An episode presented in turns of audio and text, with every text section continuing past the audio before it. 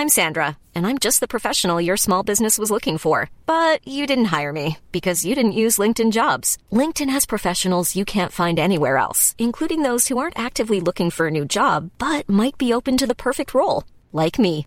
In a given month, over 70% of LinkedIn users don't visit other leading job sites. So if you're not looking on LinkedIn, you'll miss out on great candidates like Sandra. Start hiring professionals like a professional. Post your free job on linkedin.com/people today.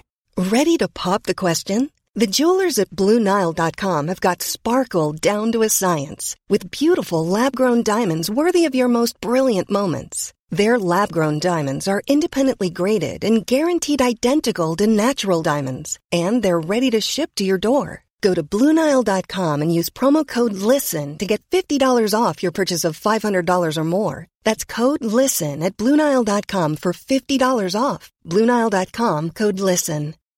Since 2013, Bombas has donated over 100 million socks, underwear, and t-shirts to those facing homelessness.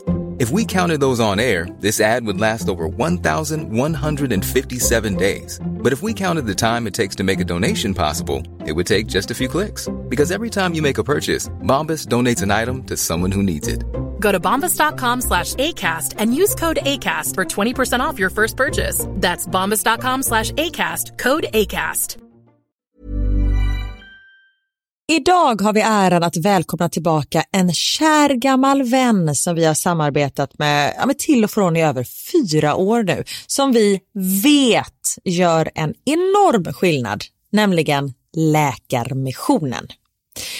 Nu är det knappt tre veckor kvar till mors dag och vi tänkte knyta ihop det för just kvinnor och mammor är ett fokusområde för just Läkarmissionen. Ja, och spontant när jag tänker på mors dag så tänker jag på så blommor och teckningar från barnen och frukost på sängen och så. Mm. Men det är ju en lyx som bara vissa kan unna sig.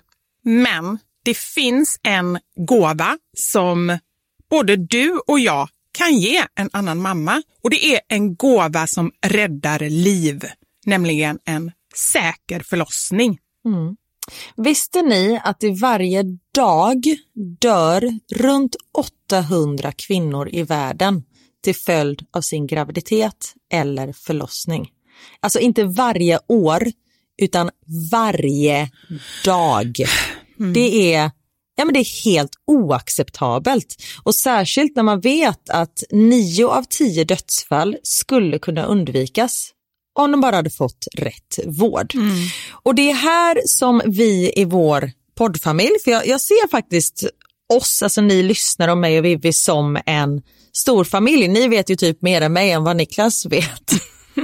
Och, ja, men det är det här som poddfamiljen kommer in i bilden.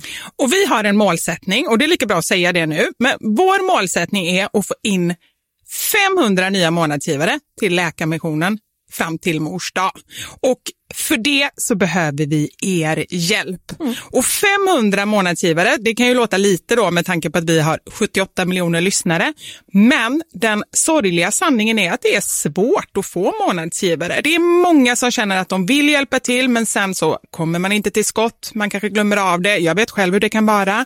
Och så tänker man så här, nästa månad ska jag göra det. Men så blir det aldrig av. Så vårt mål är att ni ska se det här som ett tecken på att nu är det dags. Och för att det kanske ska bli lite lättare så har vi en gåva till er som blir månadsgivare. Just nu, så länge laget räcker, så får du ett Mom Wow-armband som gåva när du blir månadsgivare. Det är ett superfint armband som eh, Vivi har tagit fram tillsammans med hennes kollega. Och Du kan välja mellan guld eller silver. Så du ger alltså en mors dagpresent som räddar liv och får en fin gåva till dig själv eller till någon annan mamma du tycker om. Gå in på läkarmissionen.se vara sanningar, alltså lakarmissionen.se vara sanningar och bli månadsgivare idag. Ja, så pausa podden och gör det nu. Det tar typ två minuter. Sen fortsätter du lyssna och känner värmen av att ha gjort något gott sprida sig i kroppen. Tack Läkarmissionen! Vi har även den här veckan ett samarbete med Rusta Ja, det har vi. Och sist så pratade vi om deras gigantiska utbud när det kommer till saker som man kan pynta och piffa uteplatser med. Och Karin, nu har jag några nyheter till dig. Wow! Nu har jag nämligen, ja men på riktigt, Jag är helt chockad över att jag har nyheter. Exakt! Lyssna på det här. Min lilla balkong, du har ju sett den, den har ju varit totalt kal Ja. i de två åren som vi har bott här. Mm. Nu, nu är den inredd. Allt från Rusta och den har blivit så fin. Det är kafébord, två stycken jättefina korgstolar. Jag har en så här lite härlig matta som gör att det känns mer ombonat. Ett insynsskydd där jag har hängt upp såna här solceller och en sak som jag inte ens visste fanns men som har blivit så himla fint. Dekorationsställning heter det. Låter lite konstigt. Det? Men det är liksom som en ställning som man sätter ovanför bordet. Man sätter alltså fast den på sidan och så är det som en gardinstång högst upp. Nu förklarar jag jättedåligt känner jag. Jag förstår ingenting. Jag får komma hem till dig och titta på din Rusta-inredda balkong helt enkelt. Nej men lyssna nu. Man kan alltså hänga eh, ljuslyktor och lite blomslingor i den här och så blir liksom hela balkongen så här ombonad och mysig. Det låter ju helt magiskt. Det är det också. Men jag tänker så här, vi snackar ju fortfarande Sverige. Jag tänker att det kanske är lite kyligt på kvällarna, eller hur? Ja, det är det.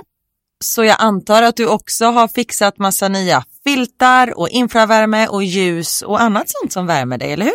Ja, men jag har allt. Det är verkligen så himla bra. Just att Rusta verkligen har allt för livet utomhus. Kvalitet till ett bra pris helt enkelt. Precis. Besök Rustas varuhus eller rusta.com. Tack så mycket Rusta. Podplay. Och jag ska inte gå in och prata om detaljer, för jag vet inte exakt. Men de är ju till för att vissa människor har... Samtidigt som du är ju läkare, men du kanske inte är detta i ditt specialistområde liksom. Nej, jag är mer muttläkare. Inte så mycket psykläkare.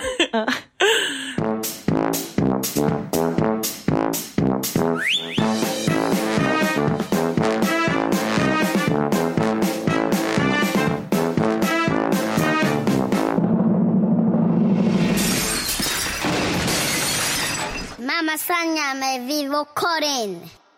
Jag satt här innan vi skulle börja podda och eh, lyssnade igenom lite gamla poddavsnitt. Våra poddavsnitt eller gamla av andra? Nej, våra poddavsnitt. Ja. Och eh, men då slogs jag av en grej som jag bara så här, jag vet att jag har tänkt på det innan men det har liksom inte riktigt slått rot. Men tyvärr så slog det rot väldigt starkt den här gången. Jag kände att vi måste göra en förändring. Oj, vadå? Det är våran bild som vi har. Ja, jag vet. Alltså snälla, alltså vi ser så timida och jag- vet inte, det ser ut som typ en så här bibliotekspodd. Nej men den är så bajsnödig, det är inte vi. Nej, det är ju verkligen inte vi. Om jag bara skulle se bilden och så, så här, gissa vad de, de har en podd om, då hade jag trott att det var typ så här dikter eller typ, ja men någon typ med böcker, någonting väldigt, väldigt lugnt. För vi ser så, vi ser ut som två mähän. Nej. Mähän.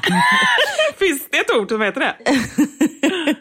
Ja, men det är ingen som använder det. Nej. Men det är ju därför, vi ska ju ha en ny start. Ja, Vi ska, nej, gör om, gör nytt. För alltså podden behöver inte göra om. Men liksom själva paketeringen känns det som. ja, jag håller helt med. Nu har vi ett eh, affärsmöte här igen i podden. Eh, jag hoppas att det är okej för alla er eh, 70 miljoner som lyssnar. Nej men någonting måste hända för det är ju ändå så här, det är ju ändå den bilden, det är det enda som är liksom vårt ansikte utåt i liksom olika poddplattformar. Mm. Och då, det som vi visar upp där som verkligen, jag vet inte, vi kände ju så från första början och ändå gick vi med på att ta den bilden. Det är väldigt konstigt. Ja men det är du och jag, vi tänker, eller jag är sån i alla fall. Även om jag, om det är någonting som jag verkligen säger, nej men det här är inte okej, då är det såklart jag säger ifrån liksom.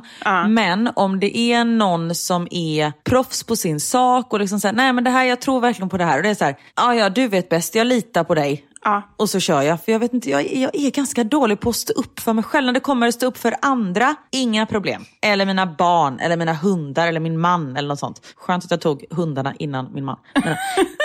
Men, just när det kommer till mig själv så är jag dålig på det. Ja. Hur är du? Ja, jag kan vara det om jag har en väldigt stark åsikt. Men i det här fallet så kände jag bara så här, nej, för det var ju då några andra som sagt var som tyckte att ja, men den här bilden, den är bra. Mm. Då tänkte jag precis som du, ja, ja, men de jobbar ju med sånt där, de vet nog bäst. Men mm. nu känner jag verkligen tydligt att nu måste det bli en förändring. Mm. Men jag tror det är väldigt vanligt att det är så att, ja, men att man lyssnar på andra före sig själv. Så nu så är det bara fram med den här välkända magkänslan tänkte jag säga. Vi har pratat om den innan och jag har sagt att jag typ inte ens har någon magkänsla. Så att eh, jag får fortsätta jobba på det helt enkelt. Mm. Nej men absolut. Du har magkänsla men du står inte upp för den kanske. Och samma sak med mig. Ja, för att jag förstår inte att det är magkänsla. Jag tror bara att det är lite så här obehagskänsla. Jag förstår inte att nej, men det här det är någonting... Mensvärk bara. Precis, jag tror bara det är. Varje gång bara, äh, nu är den på gång igen. igen! Det är den tredje gången den här morgonen. Ja. Ja, I word. Ja.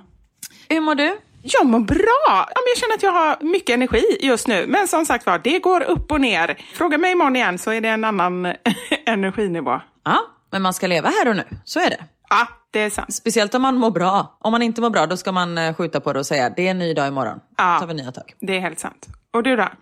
Jo, men jag mår eh, bra, tror jag. Jag är väldigt trött för tillfället, men jag tror jag vet varför. Det är för att barnen har precis börjat skolan, eller för ett par veckor sedan. Och då har jag liksom tid att slappna av och känna efter, du vet, hur mm. man mår, typ. Mm. Men jag mår absolut bra, det är bara det att jag är trött. Och i och med lockdown så sköt jag upp allting. Allt som jag skulle göra var så här, men jag gör det när barnen börjat skolan. Så nu den senaste veckan har jag liksom haft, jag har varit swamped. Jag har haft väldigt mycket. Uh. Men det är roliga grejer. Nu ska jag inte klaga på att jag har mycket, för jag har klagat på att jag har haft lite förut. Det är som sagt roliga grejer, men när man inte är van att ha särskilt uh, mycket så blir det mer än vad man tror. Va? Ja, men såklart. Konstigt. Hängde du med? Ja. jag hängde med. Men du, jag har faktiskt en sak som jag vill ta upp eh, som är från förra veckans podd. Mm. Och där jag känner att, jag börjar så här, att podda är ju ett väldigt roligt format och jag tror att det passar oss väldigt bra för att vi, eh, ja men framförallt tillsammans har vi väldigt kul och eh, det blir ganska liksom, spontant och härligt. Mm. Men det är ju också ett format som inte tål några man kan inte göra fel och ändra det sen, utan när man väl har sagt någonting och släppt det, då är det så. Det är liksom svårt att... Ja, det är ju inte som man sitter och skriver och man kan sudda ut och ändra, utan det är ju här och nu. Ja men verkligen, och som till exempel jag tänker på Instagram-inlägg. Om man skriver någonting och som man sen känner sen, nej men det här ska jag nog förmildra eller förtydliga eller något sånt där, så är det ju jätteenkelt att gå in och göra det. Och så är det ju inte med podd. Nej, verkligen inte. Och förra veckan så pratade vi om, eh, du myntade det här ordet lurmus om... Eh, ja, precis. Ja, om att jag vill gå upp och kissa på nätterna och att musen lurar mig, för egentligen är jag inte kissnödig. Nej. Och så bland annat så pratade vi också, vi sa någonting om att ah, men killar vill alltid ha sex och det är annorlunda med tjejer. Och där... Ja, just det, precis. Vi pratade om lurmus och just att det finns ett uttryck som är lurmus med att en kille tror att en tjej vill ligga med honom och, men så vill hon inte det och då är det en lurmus. Just det, men då sa vi någonting om att ja, men det är väl inga killar som säger nej till sex. Det är ju det som var liksom ja. det jag vill återkomma till nu. Mm. Och jag vet att jag tänkte på det efteråt och tänkte så här, men det är klart att det finns, men det är väl inte, ja, nu, sagt är sagt liksom. Men jag har fått eh, mm. typ tre, fyra DMs om just detta. Och om just att vi pratade också sen senare i programmet om det här med fördomar och att vi alla har fördomar men att det gäller liksom att tänka till.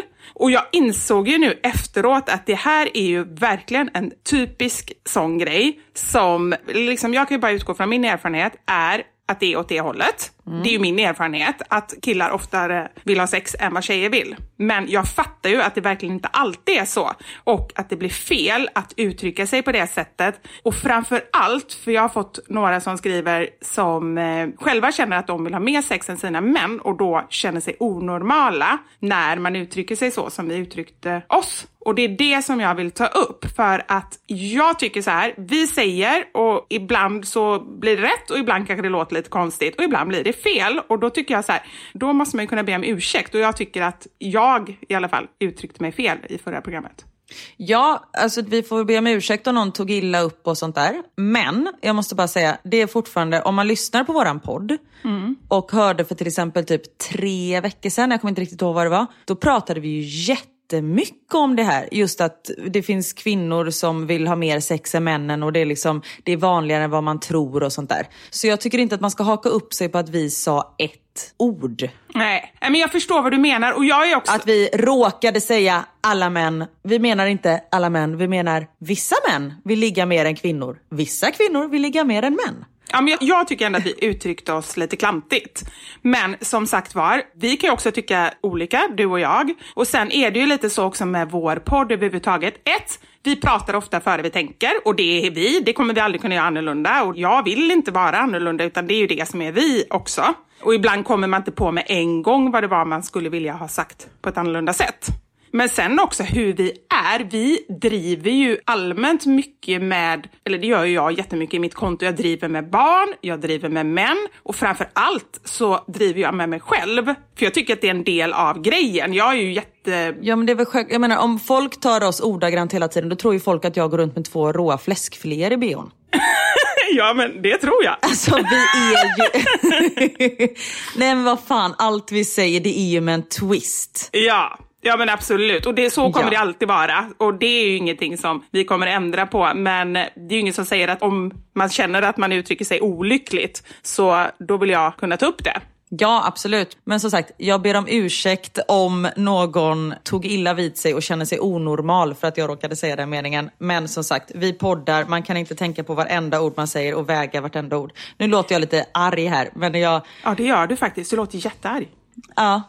Nej men jag tycker att det är lite, mm, jag vet inte. Nej, Har man jag- lyssnat på alla våra 98 avsnitt så känner jag att då borde man väl kunna ta någonting och inte så här ta illa upp för att man väljer ett ord. Nej, jag förstår vad du menar. Men jag tror att för mig så är den här grejen ganska viktig just för att, och jag vet inte om det är därför, men jag tänker på under min uppväxt och där jag kände mig så ofta annorlunda och onormal. Mm. På grund av min hudfärg, på grund av liksom, eh, min bakgrund, jag hade ingen pappa hemma. Sådär. Och det kanske är det som sitter. Förmodligen är det inte så här att så här är det. Vi är ju väldigt olika där, men det sitter som ett tagg och jag vill inte att någon annan ska känna den känslan. Och det är omöjligt att man aldrig säger någonting som någon annan tar illa upp. Men jag försöker alltid tänka. Ja, och absolut. Och det gör jag också självklart. Och som sagt, om jag vet att jag har sagt någonting, nu säger ju folk att de har tagit illa upp och som sagt, jag ber om ursäkt för det, men vi kan ju inte vakta vartenda litet ord vi säger. Men däremot, när vi är inne på det här ämnet, så du skickade ju ett Instagram-inlägg till mig som, nu står det helt still vad hon heter. Therese Lindgren. Therese, precis. En Ja. jättekänd eh, youtuber och hon är jättestor på Instagram och sånt där. För hon hade ju lagt upp en YouTube-film där hon pratade om att hon inte hade någon sexlust och att hon inte liksom hade velat ha sex på, eh, nej men att hon och hennes kille inte hade sex liksom. Ja. Och då hade hon fått så otroligt många inlägg om det här där folk liksom hade skrivit så här, men gud vad säger din man om det här? Är du inte rädd att han ska göra slut och sånt där? Och sånt är ju helt fruktansvärt. Som hon själv säger, om man är tillsammans med en person och sen har man ingen sexlust och att den här mannen eller kvinnan, det beror ju på vem man är tillsammans med, men att partnern gör slut på grund av det, det är ju helt absurt. Då är man ju tillsammans av helt fel Alltså man är ju väldigt mycket mer än sex, hoppas jag, i ett förhållande. Ja, verkligen, verkligen. Och jag tror att hela hennes inlägg började, tror jag, att hon hade någon så här, berätta vad ni har för fördomar om mig, eller liksom, berätta vad ni tror om mig så ska jag berätta sanningen. Och då tror jag att det var många som skrev, nu kan detta vara helt påhittat, jag gör en så efterkonstruktion av något som jag tror att det var. Då var det flera i alla fall som skrev, ah du gillar att ha sex och du liksom så här, du är så frisläppt och så. Och det var väl därför hon berättade den här grejen. Ja, okej. Nej, men jag håller helt med. Det är ju fruktansvärt att det är så. Det spelar ingen roll åt vilket håll det är. Det är klart att Nej. både mäns och kvinnors sexlust, det är väldigt vanligt att det går upp och ner. Och så måste det ju få vara. Självklart, och bara för att man inte har sexlust, även om, om mannen eller kvinnan eller vem fan som helst i ett förhållande. Som sagt, ett förhållande bygger ju på så väldigt mycket mer än bara sex. Och om det bara bygger på sex, nej men då kanske det inte är rätt. Nej. Nej, precis. Men där gäller det ju också, apropå att uppskatta sig själv och inse sitt eget värde, att är man inne i en period eller är man bara att man har en dålig självkänsla, då är det ju väldigt, väldigt svårt kan jag tänka mig att själv förstå det och därför är det så otroligt bra när någon med så stor räckvidd som hon har pratar så öppet om det och väcker den här diskussionen. För att det Verkligen. är ju så viktigt att vi ett ser att alla inte är likadana. och två, att ingenting är konstigt. Att det, liksom, Nej, det är så här, och att man tar upp och verkligen står för det också. Nej, jätte, jättebra. Som sagt var, vi behöver prata mer om sex på det här sättet. Alltså verkligen så här, berätta vad vi känner och hur vi har det. För det finns så mycket tabu kring det. Vilket gör allt som det är tabu kring gör ju att man får felaktiga föreställningar. Apropå felaktiga föreställningar så fick jag ett mejl idag från eh, Kulturnyheterna på SVT. Ja, det kändes inte riktigt som jag, men eh, jag bara, vad vill de ha min expertis eh, kring den här frågan? Nej, men då så skrev eh, hon så här. Vi håller just nu på med ett inslag om influencers och mödraskap. Mm. Om vilket uppsving det har blivit att prata om mammarollen, förlossningar och förlossningsdepression inom influencervärlden och hur det når ut. Och det är lite samma grej där, att det är ju liksom, det har ju funnits någon form av liksom perfekt yta under många år i sociala medier.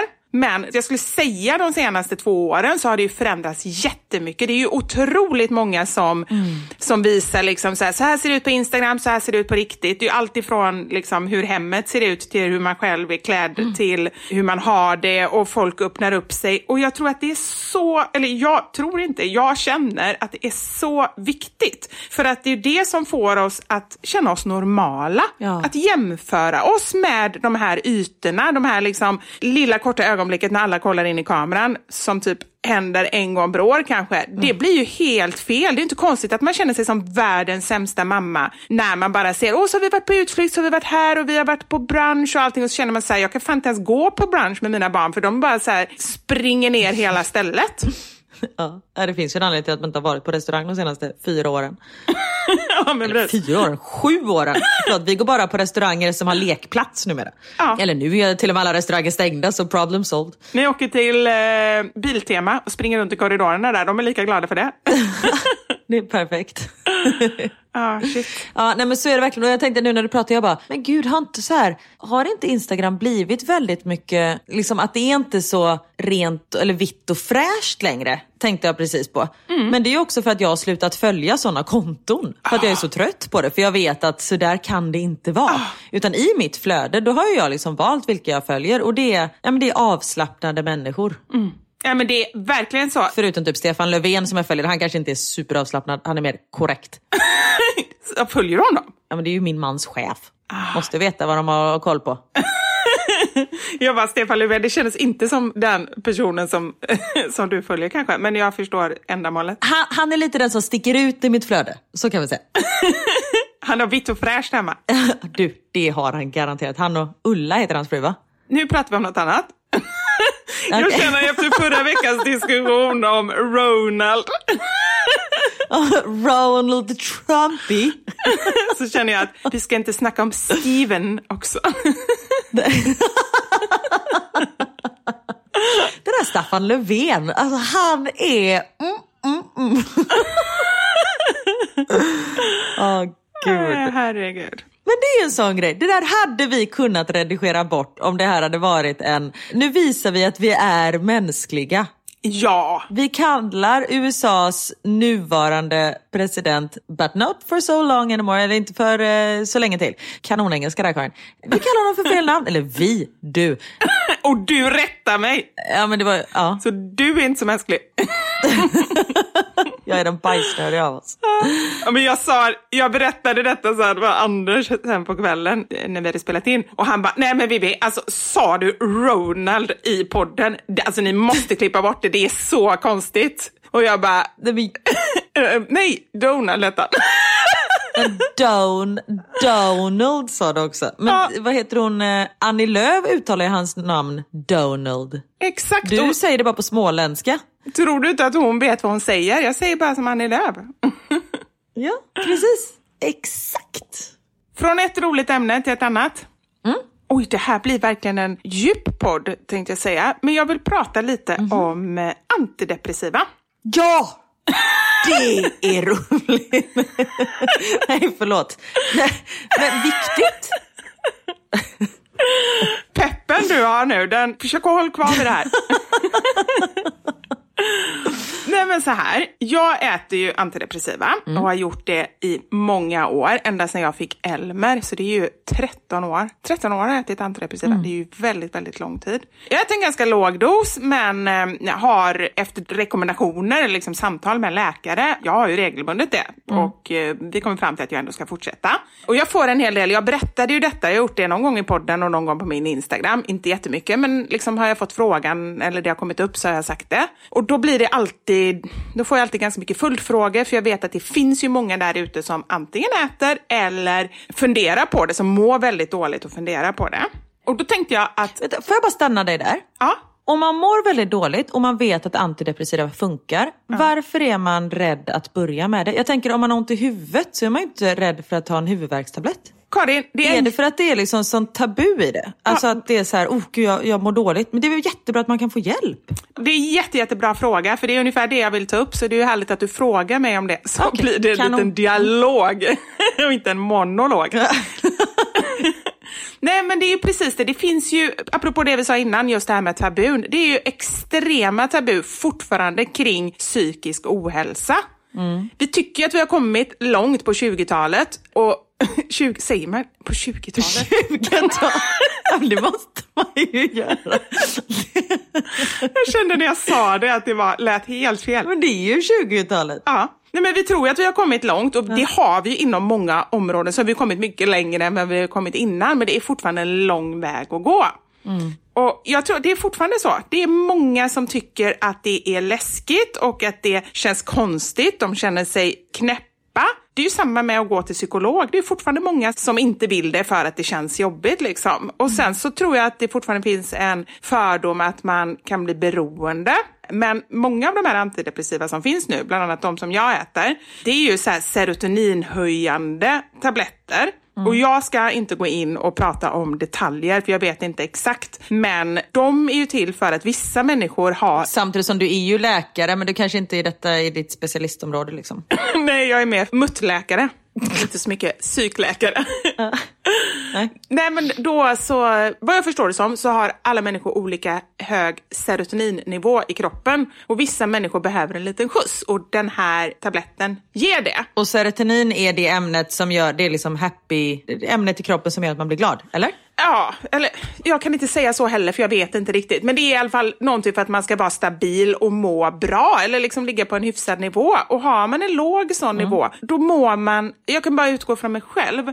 Jag var väldigt orolig och hade svårt att sova och fick väldigt lätt ångest. Och det är inte så här, jag blir också så irriterad när folk bara, lyckopiller som att jag går runt och liksom är helt hög hela tiden och svinlycklig. Jag menar ni som både följer mitt konto och lyssnar på den här podden vet ju att det är otroligt mycket upp och ner.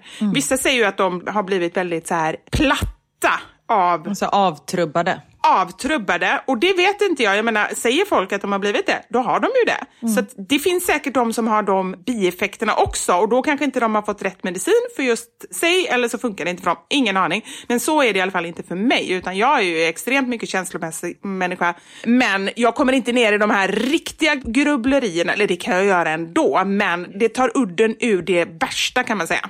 Så skulle jag ändå beskriva det. Det rundar kanterna lite. Ja, ja, men precis så. Och där tänker jag också så här, för där gällande så här psykisk ohälsa så tycker jag också det finns mycket fördomar. Folk som inte mår dåligt själva och aldrig har mått dåligt. Som kan slänga sig med grejer som att um, jag fattar inte att folk kan må så dåligt eller ja, men liksom när det går riktigt, riktigt illa. Men att man inte har en förståelse för att det kan gå så dåligt. Och då tänker jag så här, det här är alltså en egen teori, så det är inte någon grund till det här. Men jag tror att alla människor har ett visst mörker inom sig.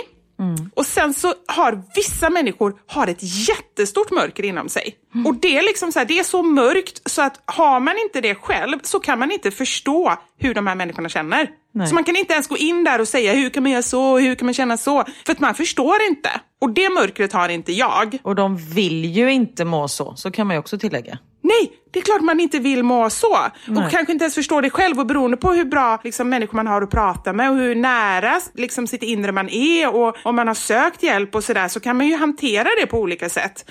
Men liksom, så här, det är min uppfattning just det här om man har fördomar och så. att Jag tror att man ska, om man klarar av att tänka så, så tror jag att man underlättar för andra och även för sig själv. Att liksom, man kan sätta sig in i någon annan människa om man själv inte har mått riktigt dåligt.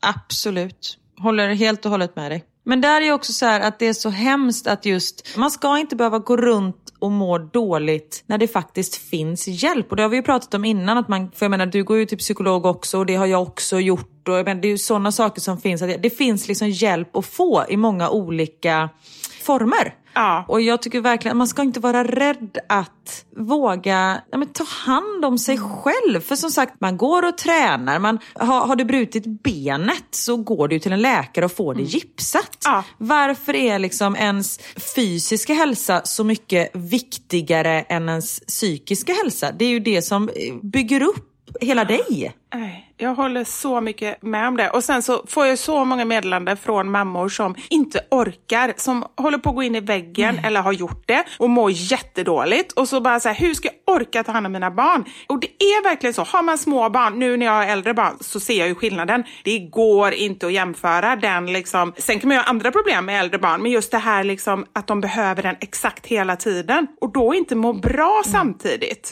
Verkligen sök hjälp. Och som sagt var, jag romantiserar inte antidepressiva. Alla måste gå till en läkare så får de säga liksom vad man behöver. Men att verkligen söka hjälp. Ja. Men det är också en grej som jag har funderat på. Jag satt och pratade med en eh, killkompis för ett tag sedan. Och då berättade jag att jag åt antidepressiva och han bara, vad gör du? Han var inte alls liksom så här, han var mer nyfiken. Han bara, jag känner ingen som gör det eller har gjort det. Ah, Ingen har berättat det för mig. Och då bara tänker jag så här, vad, det för mig är det jättekonstigt, för då tänker jag på min bekantskapskrets där jag lovar på riktigt hälften äter eller har ätit antidepressiva. Och då funderar jag bara på så här, vad är, är det det att liksom han, han kanske inte pratar så mycket med sina kompisar så att han får reda på det. Eller så är det så att man är i så olika klickar, apropå det här som vi pratade om innan med att ditt flöde nu ser annorlunda ut. Jo, för att du har, väljer att följa andra. Är det så kanske att, för det så kan jag också tänka ibland, att på något sätt så alla mina vänner nästan, väldigt många i alla fall, mår dåligt i perioder. Har jag lockat till mig dem då? Eller lockar de till sig mig? Eller, hur, är det? Eller så är det så här att du och dina vänner ni pratar om sådant. Dina vänner som går på antidepressiva och som mår dåligt i perioder kanske inte berättar det för andra vänner. Nej, det är sant. Förstår det är faktiskt sant. Ja, det är sant. Att det är fler, Ja. men de säger inte det för att det finns den här tabun liksom. Ja men precis. Ja. Ja. men för att det finns den här fruktansvärda tabun. Ja. Och så kan det ju vara. Ja, ja men absolut. Ja, eh, men det är bara, jag tycker bara att det känns viktigt att då och då nämna det för det är just också för att det är så tabu fortfarande och jag Mm. vill inte att det ska vara det och kan jag bidra på något sätt så vill jag göra det. Ja men det har ju du gjort. Alltså, bara det när du har pratat om förlossningsdepression och så. Jag fick ett eh, DM från en kvinna som tyckte också att vi skulle ta upp ämnet graviditetsdepression. Ah, Nu kan jag ingenting om det, men- nu har jag nämnt det. Men just att det, det är ju heller ingenting som man pratar om. Nej. Just att man ska vara så lycklig när man är gravid och sånt där. Alltså, bara den oron som kommer med en graviditet, att man liksom helt plötsligt är ansvarig över en annan människas liv. Att det, jag vet ju bara när vi fick missfall så började jag, ja, det har jag pratat om många gånger, men vi fick missfall i vecka 13 innan Theo. Ja, Och det första man gjorde var, liksom, alltså när vi fick reda på att eh, fostrets hjärta inte slog och sånt där längre. Så var det så här, gud vad har jag gjort? Alltså då anklagade jag mig själv direkt. Liksom. Ja. För att man har det ansvaret på sig själv. Nu var det ingenting jag hade gjort utan det var ju att fostret mådde inte bra och det var Ja. kroppens sätt att tala om att någonting var fel. Ja. Men just det ansvaret som man har som gravid, tro fan att man inte mår tipptopp hela tiden och allt som händer med ens kropp och alla känslor, hormoner, alltså allt. Ja. Så är man gravid och mår dåligt, sök hjälp, prata med din barnmorska. Alltså de kan ju sånt där. Jag menar, när man är gravid och går man till barnmorskan ganska många gånger, då kan man ju faktiskt eh, kasta ut frågan att säga det. För det är också en sån grej att man kanske skäms, eller vad man ska säga, över att man mår dåligt när man är gravid. När det är liksom, man ska vara så jävla lycklig. Det är samma sak Ja. när man sitter med ett nyfött barn. Ja. Det är liksom, nej men det ska vara rosa moln och allt ska vara puttinuttigt och hur, man ska må hur bra som helst. Men det är inte alla som gör det. Och särskilt inte känner jag så här, första barnet. Då är man ju typ rädd att någon ska här, ta barnet ifrån en. Mm. Alltså så här, man bara, är det jag som ska ta hand om det här barnet nu? Och om jag visar att jag mår dåligt eller att jag kanske inte kan det här. Eller, jag kommer ihåg första gången som vi skulle till eh, BVC med Elmer. Man går ju på återbesök när de är, vad är det, tre, fyra dagar någonting. Ja. Och precis när vi kommer in där, eller så här när vi är i omklädningsrummet, eller omklädningsrummet. det är inte så att man klär av sig. När vi tar på oss våra träningskläder för att gå in. Jag såg framför mig att man var typ hos gynekologen. Nej, men när vi var där ute och precis skulle in, då bara hör jag värsta, du vet så här, bara... Allting bara släpper. Och du vet, jag bara kände så här, nej shit! Jag fick nästan panik för att jag kände, ska jag gå in där med ett barn som har massa bajs i blöjan? Hon kommer ju tro att jag typ inte tar hand om det här barnet, att inte jag byter hans blöja. Ja, men förstår du känslan att då är det inte konstigt att man mår jättedåligt när man till och med tror att man inte får ha ett barn som har bajsat i blöjan. Nej men precis. Theo kissade ju på sköterskan. Det kan man också göra. Bra där! Det är ändå skillat. Ja, de skulle väga. Han kissade. Men en gång man tog av hans blöja så bara han kissa. Eller bajsa för den. Han läckte som ett såll. Och eh, då kom det på sköterskan, men hon var så här, oj oj oj. Man bara, ja du ser att den där funkar. Försökte var lite roligt. Ja, de är nog vana vid att, att både se och höra ganska mycket olika saker. Ja men gud, som sagt, allt är helt normalt. Ja. Men vi har sagt det förut, vi säger det igen. Mår ni dåligt, sök hjälp. Det finns inget fel i det, det finns bara rätt i det. ja, helt riktigt. Bara rätt.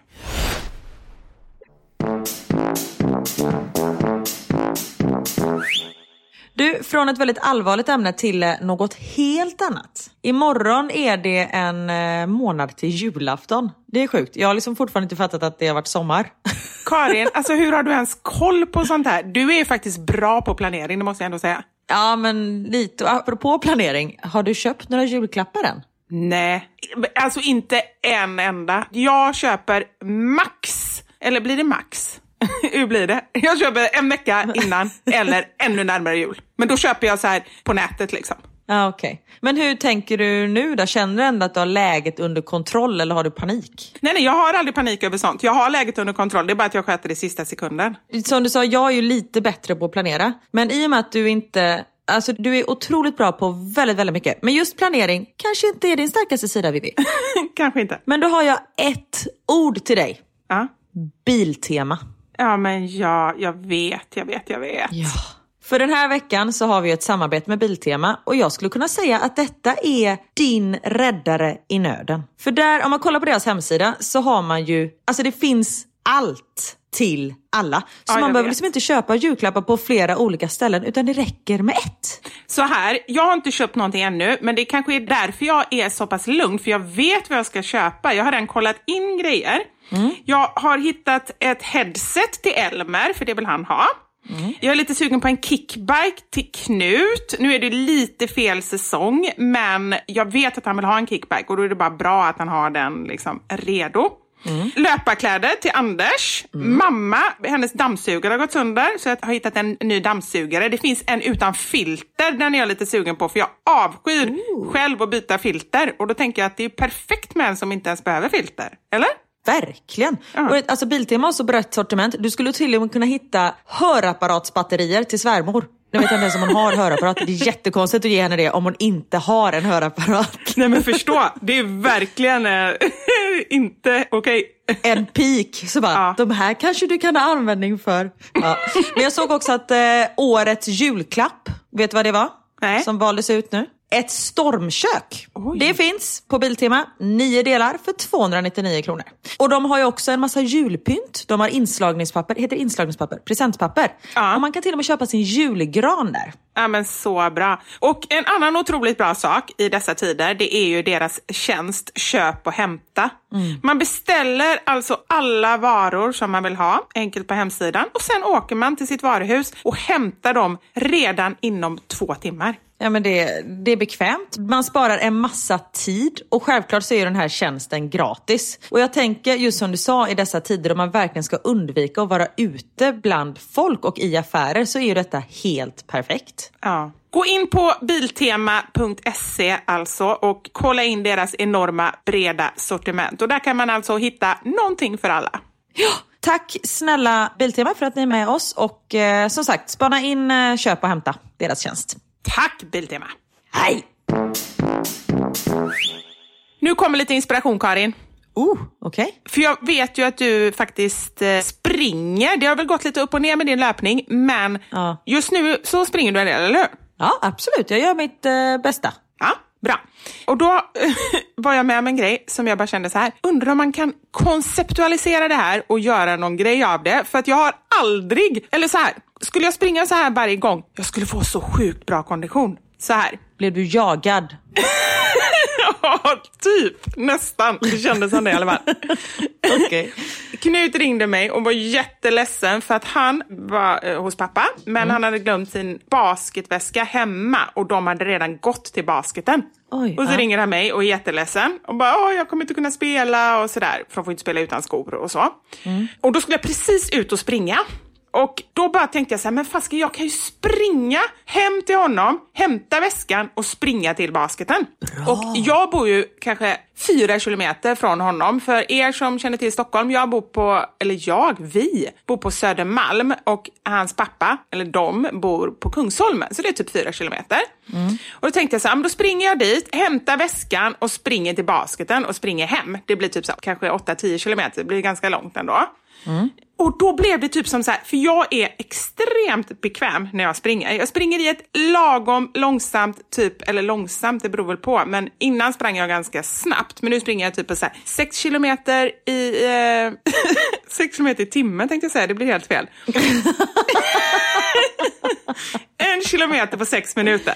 Vet du hur snabbt du springer? Ja, men det är snabbt. Ja, men det, jag tror att vissa kanske tycker det. Jag ligger runt eh, 7.30 typ. Ja. Nej, nu ljög jag. Jag tror att det ligger på 7.56. 7.56? Du vet exakt sekunden. Ja, men, nej, men jag är ju exakt likadan när jag springer. Det är ju inte så att jag pushar mig själv. Nej. Nej men exakt. Utan jag tar exakt samma runda, exakt samma tempo. Alltså det kan skilja några sekunder på den här rundan. Ja, men så är jag också. Och jag säger inte att jag springer långsamt för jag vet att liksom, eh, ja men det är så här, men jag sprang snabbare innan, så kan jag säga. Mm. För då var jag lite mer så här, då körde jag lite intervaller och höll på liksom att pusha mig själv. Men där, det är liksom long gone. Mm. För jag känner att så länge jag kommer ut, det är ju det som är det viktiga. Jag får frisk luft, jag rör på mig, så bra. Ja, gud ja, precis. Ja, men så länge man slipper barnen i en timme så är det ju... Precis, du kan göra vad du vill. Eller vad som helst menar jag. Häromdagen frågade Theo mig, förlåt jag måste bara berätta. Häromdagen alltså, frågade Theo mig, han bara, kan inte jag få cykla medan du springer? Jag bara, fuck, fuck, fuck, fuck, fuck, fuck. Jag bara, nej, nej, nej, nej, nej, nej. Så jag bara, nej men alltså det är väldigt eh, lerigt där jag ska springa. Han bara, men varför ska du springa där?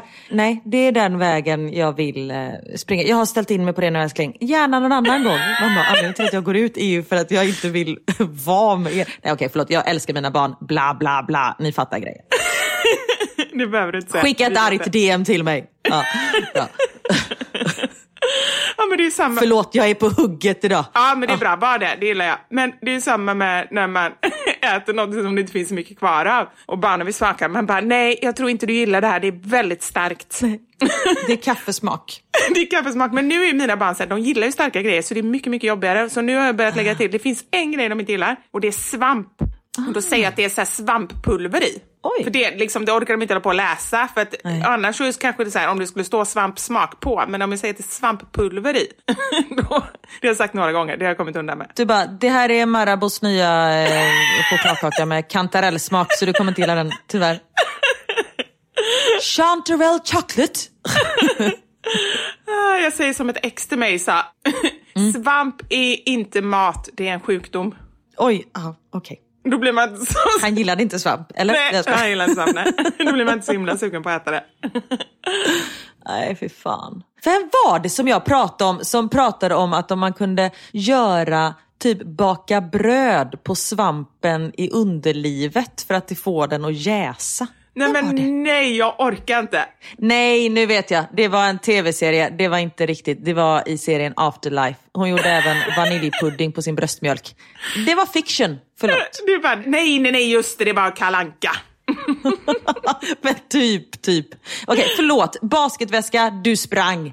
Ja. Det gick snabbt. Ja, men då se, förstår nu hela den här rundan. Det kändes som att jag var ute typ på en skattjakt eller som att jag hade ett uppdrag. Jag var sjukt fokuserad och första fyra kilometrarna sprang jag ju snabbt då för jag var tvungen liksom att hinna till den här basketen innan den slutade.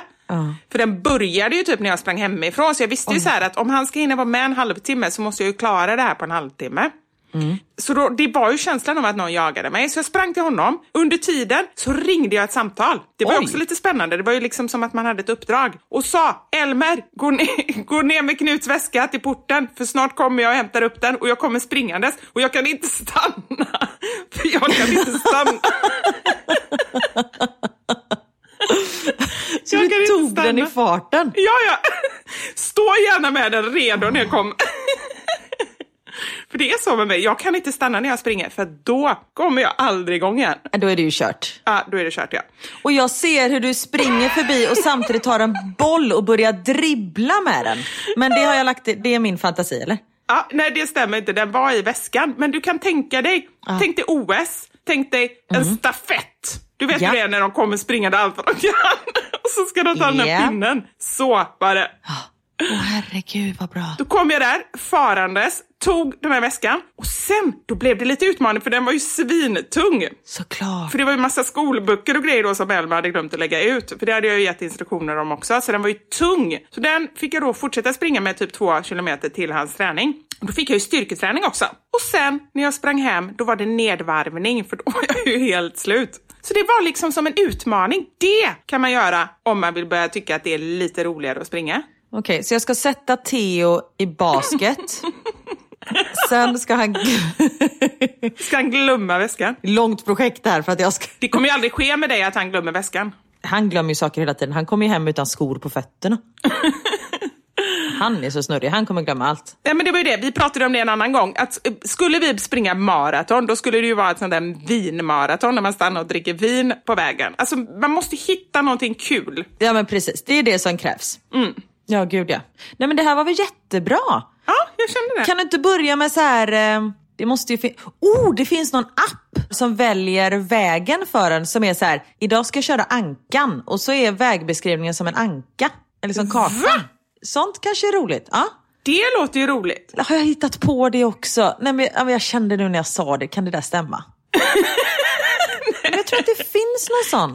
Jättekonstigt. Ja, men på riktigt, hur ska den... Och sen också gillar jag inte heller någon annan bestämmer vad jag ska springa för väg. Nej, det... Det här fallet gick det bra för att det var ju ändå så ett riktigt uppdrag. Jag tror ändå om någon skulle så hitta på uppdrag för mig, det skulle inte funka. Då skulle jag, Nej. det skulle inte gå. Men kan du inte börja jobba typ för Uber Eats? Åh herregud! Vilken bra idé. Vad sa du? Jag hörde inte ens. Att du börjar jobba för typ Uber Eats eller de här Foodora och sånt där. Du måste hinna leverera maten medan den är varm.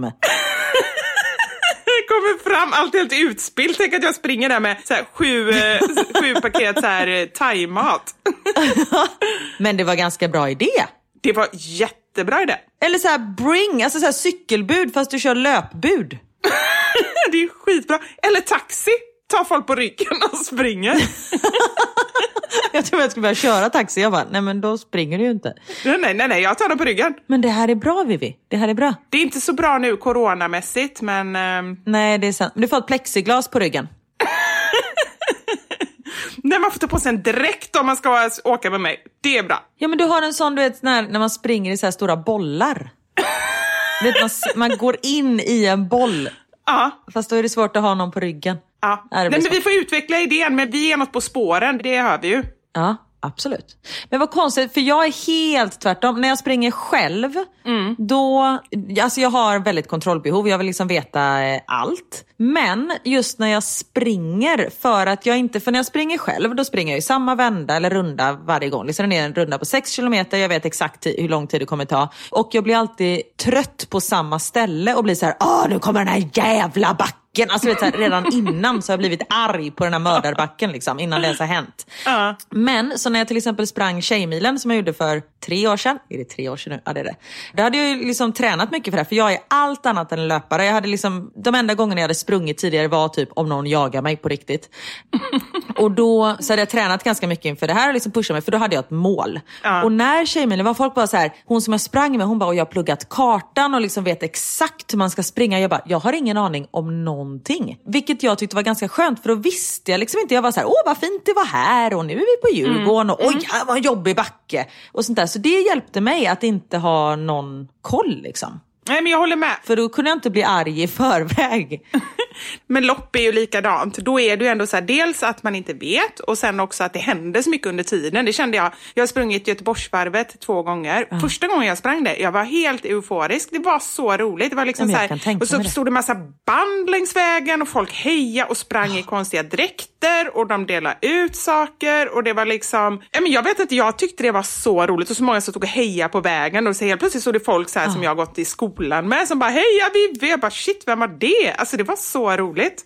Fantastiskt. Ja, men det tyckte jag också med Tjejmilen. Just nu är ju det halva Göteborgsvarvet. Men just det här med att folk stod och heja och folk som inte hejade, de skällde jag ut. Jag blev arg. Jag var så här, ni får ju heja på oss, vi är jätteduktiga och springer. Och så hörde man någon så här lam applåd liksom, långt bak. Och jag gav publiken high five vare sig de ville det. Publiken, du hör ju. Jag, hade, jag såg detta mer som en show än ett lopp. Men jag vet, sprang, gav folk high five. De fattade ingenting varför jag slog till dem helt plötsligt. Men det var, när jag såg det här, det var fantastiskt roligt var det. Du såg det som att det var du som stod på scenen och att de var din publik liksom. Ja gud ja, det var mitt ansvar att underhålla såg jag. Det var liksom, I'm a born entertainer. Vare sig det är att springa eller dansa, det här ska underhållas. Ah, bra, jag älskar det. Ja men jag var också den där jobbiga jäveln som var alldeles för positiv. Jag var så här, kom igen nu tjejer, nu har vi sprungit en kilometer, bara nio kvar. Alltså den, om jag hade varit någon annan hade jag ju slått till mig själv på käften. Men jag var liksom tvungen att ta den rollen för annars hade jag dött. Men en sak undrar jag. Ja. Om du tycker att det är jobbigt att springa, alltså bara det där som du höll på med under tiden måste ju vara mycket jobbigare. Alltså när jag tycker det är jobbigt att springa, jag orkar inte prata. Och du har sprungit runt där och liksom hejat på både dig själv och alla andra och publiken och allting. Ja, ja, gud ja. Jag var helt slut. Helt slut. Men det var som sagt mitt sätt att överleva. För då gick jag in i en roll och då hade jag inte tid att liksom känna efter att jag var trött. Nej, jag fattar. Ja. Utan då tog jag rollen att peppa andra. Och jag undrade så här, varför springa förbi alla? Nej men det var ju för att ingen ville springa med mig så alla saktade ju ner på tempot när jag kom. Så jag kunde springa förbi dem så de slapp lyssna på mig. Nej, Karin, jag tror att det var för att du var bara en mästerlöpare det loppet, tror jag. Kanske det. Kanske det. Och du vet ibland så tog jag några hoppsasteg istället för att springa vanligt. Bara för att liksom ändra och få det lite roligare. Fan det är kanske är det jag borde göra när jag springer själv också. Ja, ja men verkligen så. Sex kilometer hoppsasteg. Fattar du? Men det, det mest eh, spännande som jag gör när jag är ute och springer, det är att springa samma runda fast åt andra hållet. Ja. Ja. Men det kan förändra jävligt mycket. jag vet, men ofta tyvärr är det sämre för man har ju ändå en plan med det just den här runda. Ja. Och sen tar man åt andra hållet, då tror man, när man kommer så här precis i början, sprungit en kilometer, då är man ju van vid att, Nu tänker att du är klar. ja då tror man ju nästan att det är klart och då blir man ju jättebesviken. Ja, det är sant. Men du brukar ju variera det med att du ramlar och sånt ibland. Det gör jag. Det har jag gjort vid många olika tillfällen. Det, det har jag berättat innan. Jag skulle hälsa på några och så skulle jag vara lite rolig och gjorde en snurr och bara rasa i marken. Så pinsamt. De måste ju bara så här, du vet, de blir, måste ju bli skitstressade också. För man blir ju väldigt stressad när någon ramlar. Ah, shit. Men. Jag har ju min bästa kompis man. Han har sprungit så här, ja, men Göteborgsvarvet flera gånger och lite andra lopp och sånt där. Han har inte sprungit ett enda lopp utan att ramla. Alltså han ramlar varje gång. Ett Göteborgsvarv, då ramlar han efter 50 meter. När det precis startskottet hade gått. Och det var någon sån här sladd som låg på väggen. Och han så här, och så här skrapa upp knät så det blödde. Så var tvungen att springa 2,1 mil med blodigt knä. Nej! Okej, om man ramlar i slutet, då är det ändå lite så här, ah, ja, då är man snart Nej, klar. 50 meter. Nej men alltså, jag skrattar så mycket när han berättar det här. Älskade Björn, han är Ja. fantastisk. Men det står ju både taxibilar och ambulanser längs vägen så att det finns ju utvägar om det skulle gå riktigt dåligt. Men tror du att det finns någon som börjar springa, sätter sig i en taxi, åker hela vändan och sen hoppar av så här 100 meter framför mål och sen springer in i mål och bara slår alla. Så, herregud, han sprang 2,1 mil på ja, 20 minuter. Det är mitt världsrekord. Om man hade kunnat det så hade det säkert varit någon som hade gjort det. Man hade ju inte kunnat stå för det efteråt. nej, nej men precis, det hade varit jättejobbigt så kommer man in helt så här osvettig och bara ja, det gick ju snabbt. Ja, jag tänkte säga, eller om man är så dum och springer fel. Men det gjorde ju du i jakten på ökenguldet.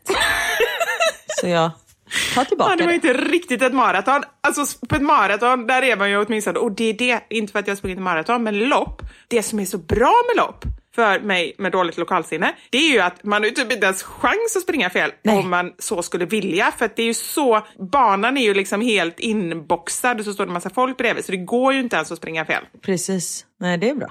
Fan, nu blir jag så sugen på att anmäla mig till något lopp igen, men sånt finns ju inte nu för tiden. Nej, det är ju det. Men jag blir också sugen på det. I dessa tider. Ja, för nu var det så här, anmäl dig till Tjejmilen, tryck in på mobilen. Jag bara, glöm det. Alltså det är fantastiskt att det finns, men det funkar inte för mig. Ja, men jag fattar ingenting. Vad säger du? Vad ska du göra? Nej men att man, så här, man skulle springa Tjejmilen själv liksom och sen registrerade man sin tid. Nej, då tappar man hela grejen. Det finns ju ingen mening. Ja men precis. Nej men vem ska jag då underhålla? Exakt. Det är jättekonstigt om jag springer med lilla runda och ger folk high fives. För det första är det ingen som tar en high five nu i coronatider. Nej, det är sant. Ja, nej det är ingenting för mig. Jag vill ha folkets jubel. Åh, shit. jag är så en jävla narcissist. I förra veckans avsnitt så pratade vi om arga lappar. För du hade ju fått en, eh, eller det fanns en arg lapp när du hade satt upp din gunga i taket. Och då tyckte du det kunde vara roligt att få reda på eh, vad ni har skickat för arga lappar eller vad ni har fått för arga lappar. Det har blivit dags för...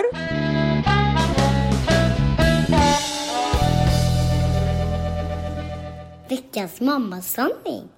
Ja, herregud. Arga lappar. Ja. Ja. Vad är det med folk, tänkte jag säga. Men samtidigt så känner jag så här, alltså jag vet inte, det finns någonting härligt med det också. För det är liksom någon urladdning på något sätt. Jag vill också skriva en arg lapp. Jag blev liksom både så här, vissa av dem var ju så konstiga och andra var så här bara, nej men jag kan förstå att man blir så jäkla arg. Jag vill också skriva en arg lapp.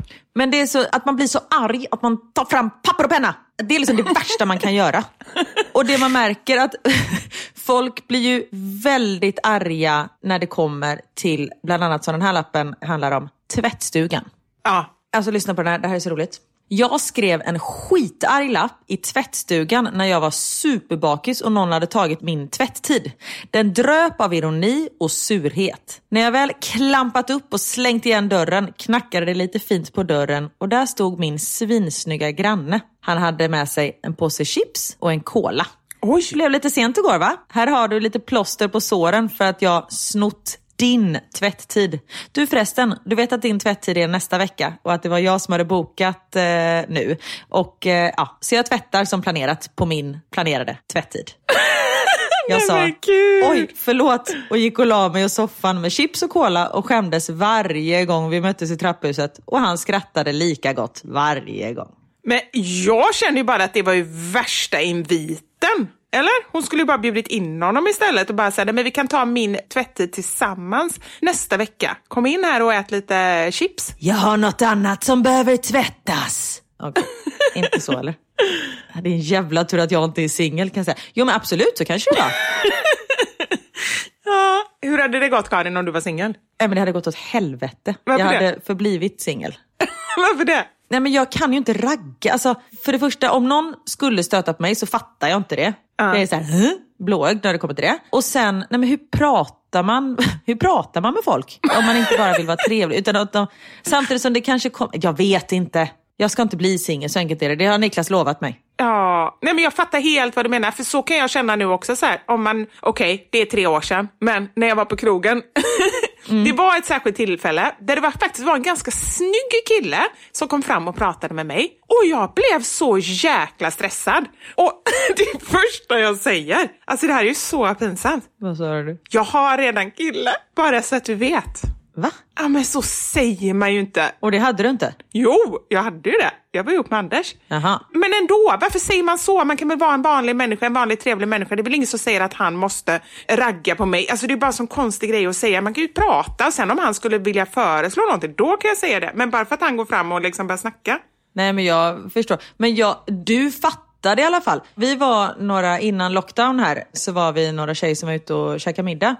Och så hade jag beställt en gin och tonic och den här servitören han var liksom väldigt mycket vid vårat bord. Ja. Och så började han så här, ah, nu förtydligar jag det här Vivi, för jag vet att det blev lite missuppfattningar sist. Han pratade engelska med mig och jag svarade på engelska, men nu kommer jag ta det här på svenska. För jag orkar inte översätta i huvudet. Okej? Och det roliga är att förra gången, jag måste bara säga det, då hörde jag sen när jag lyssnade på podden att du faktiskt väldigt tydligt hade sagt att eh, den här personen pratat engelska. jag hade helt missat det. Så att, ja, yes, nu hänger jag med. Nej, han var så här, ah, tycker du om gin? Jag bara, ja det är ju gott. Han bara, vilken är din favoritgin? Jag bara, nej jag vet inte, jag gillar väl Henriks och så med lite gurka och svartpeppar. Han bara, ja min favorit är den här ginen. Så sa någon, jag bara, jaha har ni den här eller? Han bara, nej jag har bara den eh, hemma. Jag har över 40 ginsorter hemma. Jag bara, jaha! Och mina väninnor bara, men hallå det var ju sån invit från hans sida. Jag bara, nej jag gillar bara gin. Hon bara, nej det var det inte. men Så jag Karin. fattar ju inte sånt. Nej, nej, vi ska nog vara där vi är, känns det som. Men jag kan säga att den ginen som han rekommenderade hemma hos sig, svingod. Vi drack eh, två, jag skojar, jag följde inte med henne. Apropå det som hände dig förra veckan. Jag såg en lapp i trapphuset om att det spelades trummor nere i huset och ett önskemål om att dämpa trummorna. Konstigt, tänkte jag. Jag har inte hört någonting. Några dagar senare så knackar det på dörren när jag ligger i sängen och ska sova. Min dåvarande pojkvän öppnar dörren och en granne frågar om han spelar trummor. Det gör han inte, men han sitter vid datorn och där har han en tendens att stampa i takt med fötterna. Då slår det mig att det är han som har stampat i grannens tak som har uppfattats som trummor. Mitt ex får inte samma insikt så han svarar på grannens fråga. Nej, jag spelar schack. För han satt och spelade schack på datorn. Jesus, herregud. Gud. Angående arga lappar. Jag skrev för i helvete sluta bajsa i vardagsrummet på en lapp till killen jag var inneboende med. Bakgrund. Vi hade stambyte och fått en hink att uträtta behov i. Men fanns även bajamajor på gården så vi hade kommit överens om att inte använda hinken. Vilket han bokstavligt talat sket i. Och även missade att ställa ut den för tömning när han åkte utomlands en vecka. Fy fan vad äckligt. Men gud vad hemskt. Shit alltså. Ah. Vi vill inte att våra grannar ska spela musik, väsnas eller skjuta raketer efter klockan sju imorgon för våra barn ska sova. Denna lapp stod i vårt trapphus dagen innan nyårsafton förra året. Nej men. Det är ju inte okej. Alltså vissa gånger, jag kan känna så här. Är det någon som har fest och sånt där i lägenheten, typ nyår, då får man ju absolut inte säga till. Och är det någon som har fest någon gång då och då. Jag tycker inte, alltså vad fan man har ju rätt att leva. Ja, jag håller helt med. Sen så, vi hade ju en riktig jävla nyårsfest en gång. Och våra grannar hade ju liksom eh, småbarn, de som bodde över oss. Och på morgonen dagen efter, vi bara förlåt alltså, att det blev så sent och högljutt och sånt där. Detta var långt innan barn kan jag också tillägga. Och då sa de, bara, nej det var lugnt. Det var ganska roligt att lyssna på när ni sjöng Bumbibjörnarna för fulla halsar klockan fyra på morgonen. Vi bara, ja, vi fick lite feeling. Du vet när man bara lyssnar. Och den här var Bumbibjörnarna studsar fram igenom sagorna. Med ja, x antal liter champagne i kroppen. Ja, nej, jag håller helt med. Lyssna på den här. Den här är faktiskt eh, viktig, den här lappen. Ja. Det står så här. Rubrik. Skilj er för helvete eller sök hjälp. Kära grannar som skriker er blåa på varandra långt in på nätterna flera dagar i veckan. Det är inte normalt och ett sunt förhållande. Har ni inte kommit fram till en lösning på era problem klockan 03.30 på morgonen lär ni aldrig göra det. Ni är uppenbarligen inte lämpade för varandra. Så gör oss grannar en tjänst och flytta isär. I ert fall så är gräset grönare på andra sidan. Så tveka inte, gör slut. Ah. Shit, ja men Det gud. kanske var just det här, den pushen som paret behövde. Ja men faktiskt. Och sen så tänker jag, nu vet man ju inte, men liksom om de har barn och sådär, då tänker jag ju väldigt mycket på barnen. Men det är kanske därför de skrek på nätterna, för då tänkte de att barnen sov. Ja, kanske det kanske. Nej, jag vet inte. Hemskt i alla fall. Verkligen. Jag skrev en lapp till grannen. Trevligt att du har ett varierat sexliv. Hör till och med när du byter kille. Fortsätt njuta, men gärna lite tystare bara. Det var ju trevligt. Det var ju, liksom, det var ju en väldigt trevlig meddelande. Absolut. Niklas hade ju, när vi precis hade träffats, så hade han bostadsrättsföreningsmöte. Och då var det någon som tog upp att eh, ja, det är ju några på gården som har eh, sex och man kanske bara kan tänka på att stänga fönstren och så, för det ekar ganska mycket på gården. Vi kom på att det var nog, eh, det var till oss han sa det. Oj, var det till er? Det var lite pinsamt. Ja, men det var väl härligt. Nej men Karin, nu pratar du om ert sexliv, vad härligt. Ja, men det var ju för 12 år sedan. Mycket som har hänt sedan dess. Här är en, eh, apropå sex. Grannar. Sex är mysigt. Sex är bra. Säkert riktigt bra när det låter genom väggar, golv och tak. Och när det låter mitt i natten i flera timmar, då finns det någon som ej kan sova och sätter sig och rimmar. Jag vill er verkligen inte klandra. Det är ju toppen att ni funnit varandra. Jag ber er inte heller att slut, bara snälla, klicka på mute. Nej men gud, alltså det var ju ändå kreativt. Det är ju inte Verkligen. riktigt den känslan man brukar få när man blir irriterad. Att man bara, hur ska jag göra det här? Jo, jag har skrivit ett litet rim. Ja, det är jätteroligt. Ah, gud. Här då. Jag var tillsammans med en kille för många år sedan som hade en granne som var helt otrolig. Han gnällde om allt. Allt oväsende var då min pojkväns fel. Vi satte upp en hylla klockan två en lördag. Tjoff så kom det en lapp genom brevlådan. Vi bakade en kladdkaka en vardags eftermiddag med några kompisar. Och då kom Securitas och knackade på. Vakten bara skrattade, då måste ju han ha ringt och bara, nu får ni åka dit, det är så högljutt. Men Vi fick klagomål när vi inte ens var hemma. Men- En dag när vi var på väg upp för trapporna så mötte vi någon. Jag hälsade glatt och förvånat, för det var ju min kollega. Han i sin tur bara mumlade något. Min pojkvän stirrade förvånad på mig och utbrast “Känner ni varandra?” Det visade sig att den gnälliga grannen var min jobbarkompis. Nej. Jo, det blev lite stelt på jobbet efter den dagen. Men de arga napparna, de blev färre. Men gud. Shit, jobbigt läge. Men han måste ju fatta själv då att han kanske var lite överkänslig, känns det som. Lite speciellt att klaga på någon som inte ens är hemma.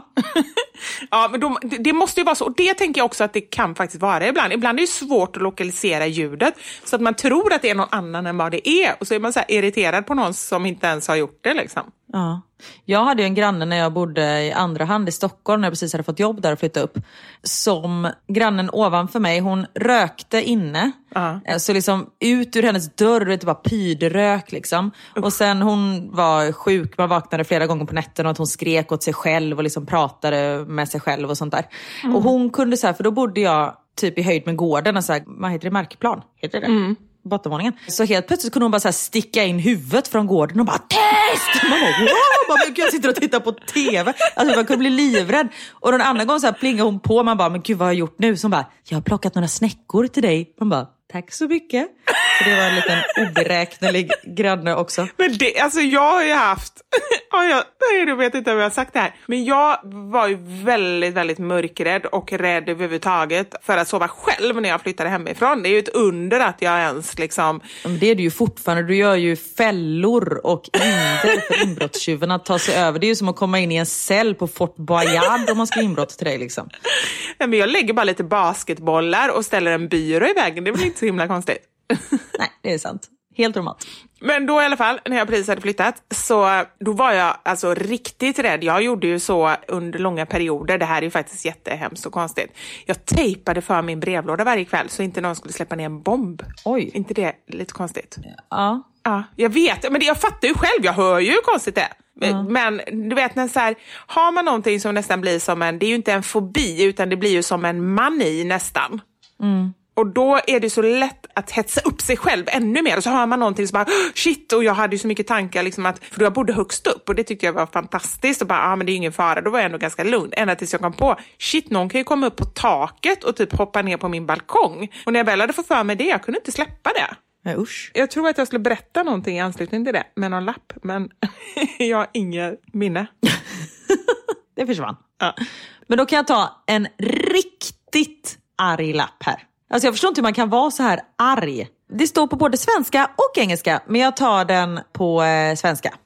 Du din förbannade jävla dumfitta som skruvat isär min cykel och snott sadel och skruvar ska lämna tillbaka allting i helt skick eller ramla med cykeln och skrapa sönder ansiktet mot asfalten. Andra ska inte behöva betala för dig bara för att du är en fattig egoistisk idiot. Nej men är det ett skämt? Var det någon som har fått den här? Nej men den, den står liksom. Det är någon som har satt upp den lappen. Nej, nej men det är fan inte okej. Herregud. Nej, borde söka anger management.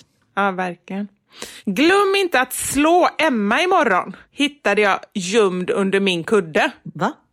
Det var jag som hade skrivit den. Så konstigt. Det, det måste ju vara när hon var barn eller någonting. Och du vet man blir arg och bara nu minsann och så bara, nej, jag, det är bäst då. Och då kanske det, ja det var förr i tiden, då fanns det, kunde man inte sätta påminnelse på mobilen. Då var man tvungen att skriva en lapp till sig själv. Ja, Hon kunde inte smsa sig själv. Hon skrev Ja. en lapp till sig själv. Jag skrev en lapp till min dåvarande bästa kompis, eller dåvarande bästa kompis, hon är fortfarande min bästa kompis, är min. Vi hade ett stormigt förhållande när vi var små. Det var så här, vi gjorde typ slut med varandra. Liksom. Vi delade så här love-hjärta eller best friend-hjärta och så lämnade vi tillbaka till varandra. Ja, åh gud, det var jobbigt. Ja, det var jättemycket. Men sagt, vi är fortfarande vänner. Och då hade jag skrivit en lapp en gång. Hermin är knasig. Och så hittade hon den här lappen och hon kan fortfarande ta upp att det var liksom den lappen tog. Just knasig. det är ju inte det värsta. Alltså, jag tänker på den lappen du läste alldeles nyss. Hon var lite känslig. Här är en lapp som, eh, jag ska berätta lite bakgrund här, men jag tar lappen först. Du! Utropstecken. Måste tänka på att hålla avstånd till bilen framför dig när du kör. Vi är många som vill komma både fram men även hem från jobbet hela. Det är en som har fått den här på sin eh, vindruta. Nej, och då skriver hon så här. Min sons pappa var sen till jobbet. Körde i 140 sina fyra mil till jobbet. Oansvarigt, ja. Och gick då upp ganska nära bilarna framför för att köra om. Detta resulterade i att en person blev extra irriterad. Så han följde efter honom till jobbet för att sätta en lapp på hans ruta under tiden han jobbade. Lappens syfte var ju jättebra och han förtjänade utan tvekan att få den här lappen. Men, och då, om man tittar på den här lappen då. Lappen är dataskriven, laminerad, med andra ord planerad, samt att personen som satt den där kört i 140 också för att han ska kunna följt efter honom till jobbet. Ja, ja, precis. Det var ju väldigt eh, konstigt. Men herregud. Ja, herregud. Ja. En dag när jag hade bråttom till jobbet och inte hittade någon parkeringsplats så ställde jag mig framför en villa. Tänkte, det går väl bra. När jag kom tillbaka efter jobbet så kunde jag inte hitta bilen. Jag sprang runt och letade som en galning. Det visade sig att den hade blivit bortboxerad. När jag väl hittade min bil så hittade jag en lapp där det stod, du är inte klok i huvudet. Det var lite konstigt att de boxerade bort bilen, eller? ja, men det måste ju stått på något jättedumt ställe, alltså framför en garageport eller något sånt där. Ja, så kan det vara. Ja, det är sant. Ja. Här igen. Jag skrev en arg lapp när jag var nybliven mamma. Min dåvarande kille, barnets pappa, jobbade ofta och var borta två veckor i stöten och hade en dag skickat ett blombud till mig. Jag var inte hemma när budet kom så de hade hängt blommorna på dörren. Så någon granne eller förbipasserade min trappa hade snott min bukett. Då skrev jag en lapp. Hoppas du som tagit mina blommor som jag fått skickat till mig njuter av dem. Annars kan du komma tillbaka med dem.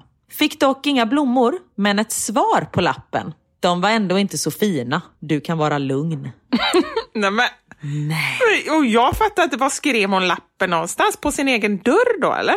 Nej, men hon satte väl den i hissen eller någonting. Ja. Nej, men gud vad elakt Hemskt svar. Ja. Ja. Det här är 2020. Jag ska varken behöva höra eran hund eller era barn från grannen ovanför. Va? Det kanske är just 2020 som man får höra både det ena och det andra. Precis.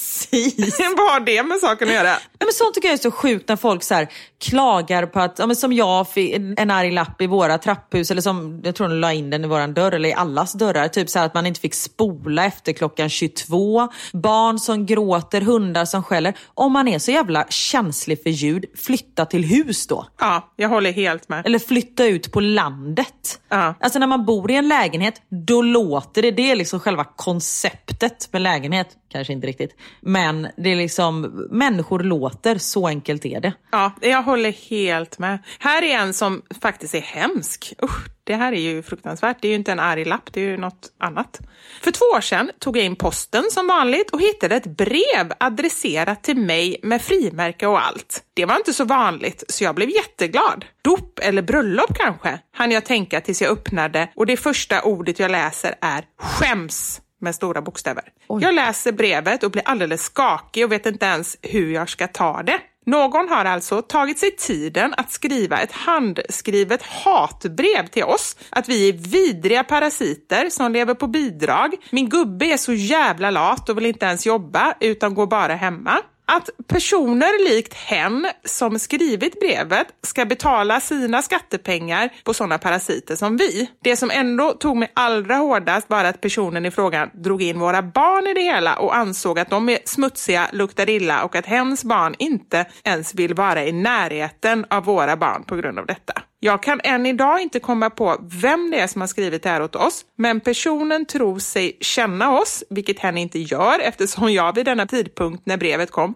var hemma, mammaledig och min sambo hade hunnit jobba nästan tre år på sitt jobb. Vi har heller aldrig gått på bidrag utan alltid klarat oss själva.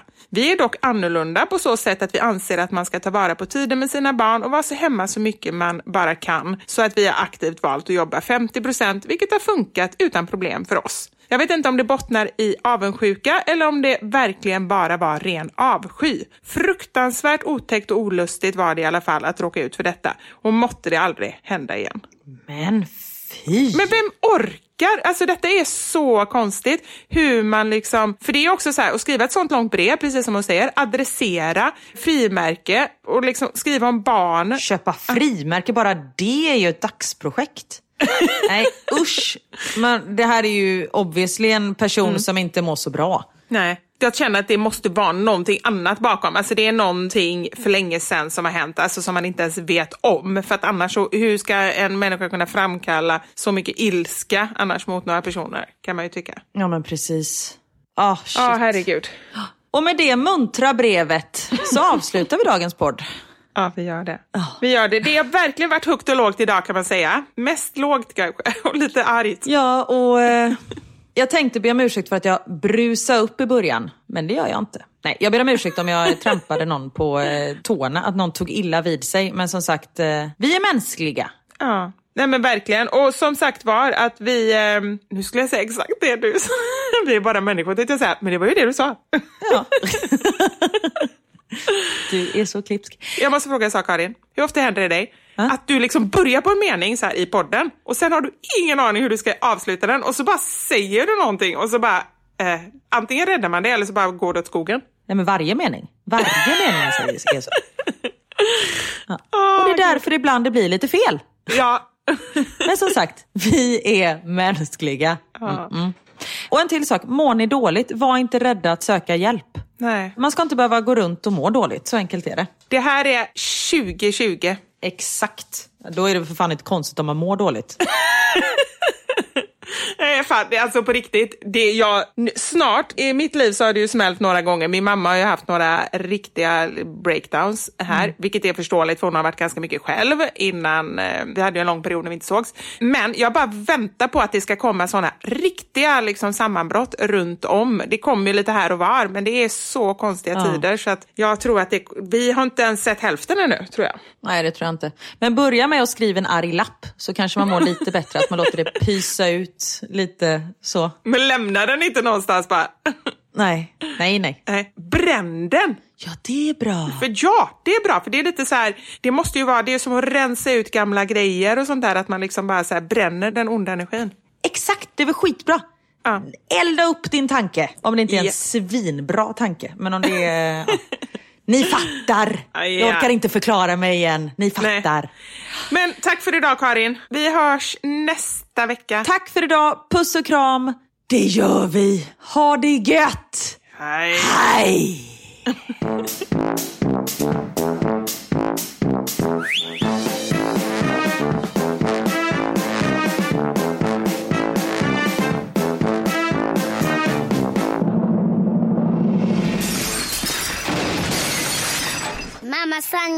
Vivo Karin.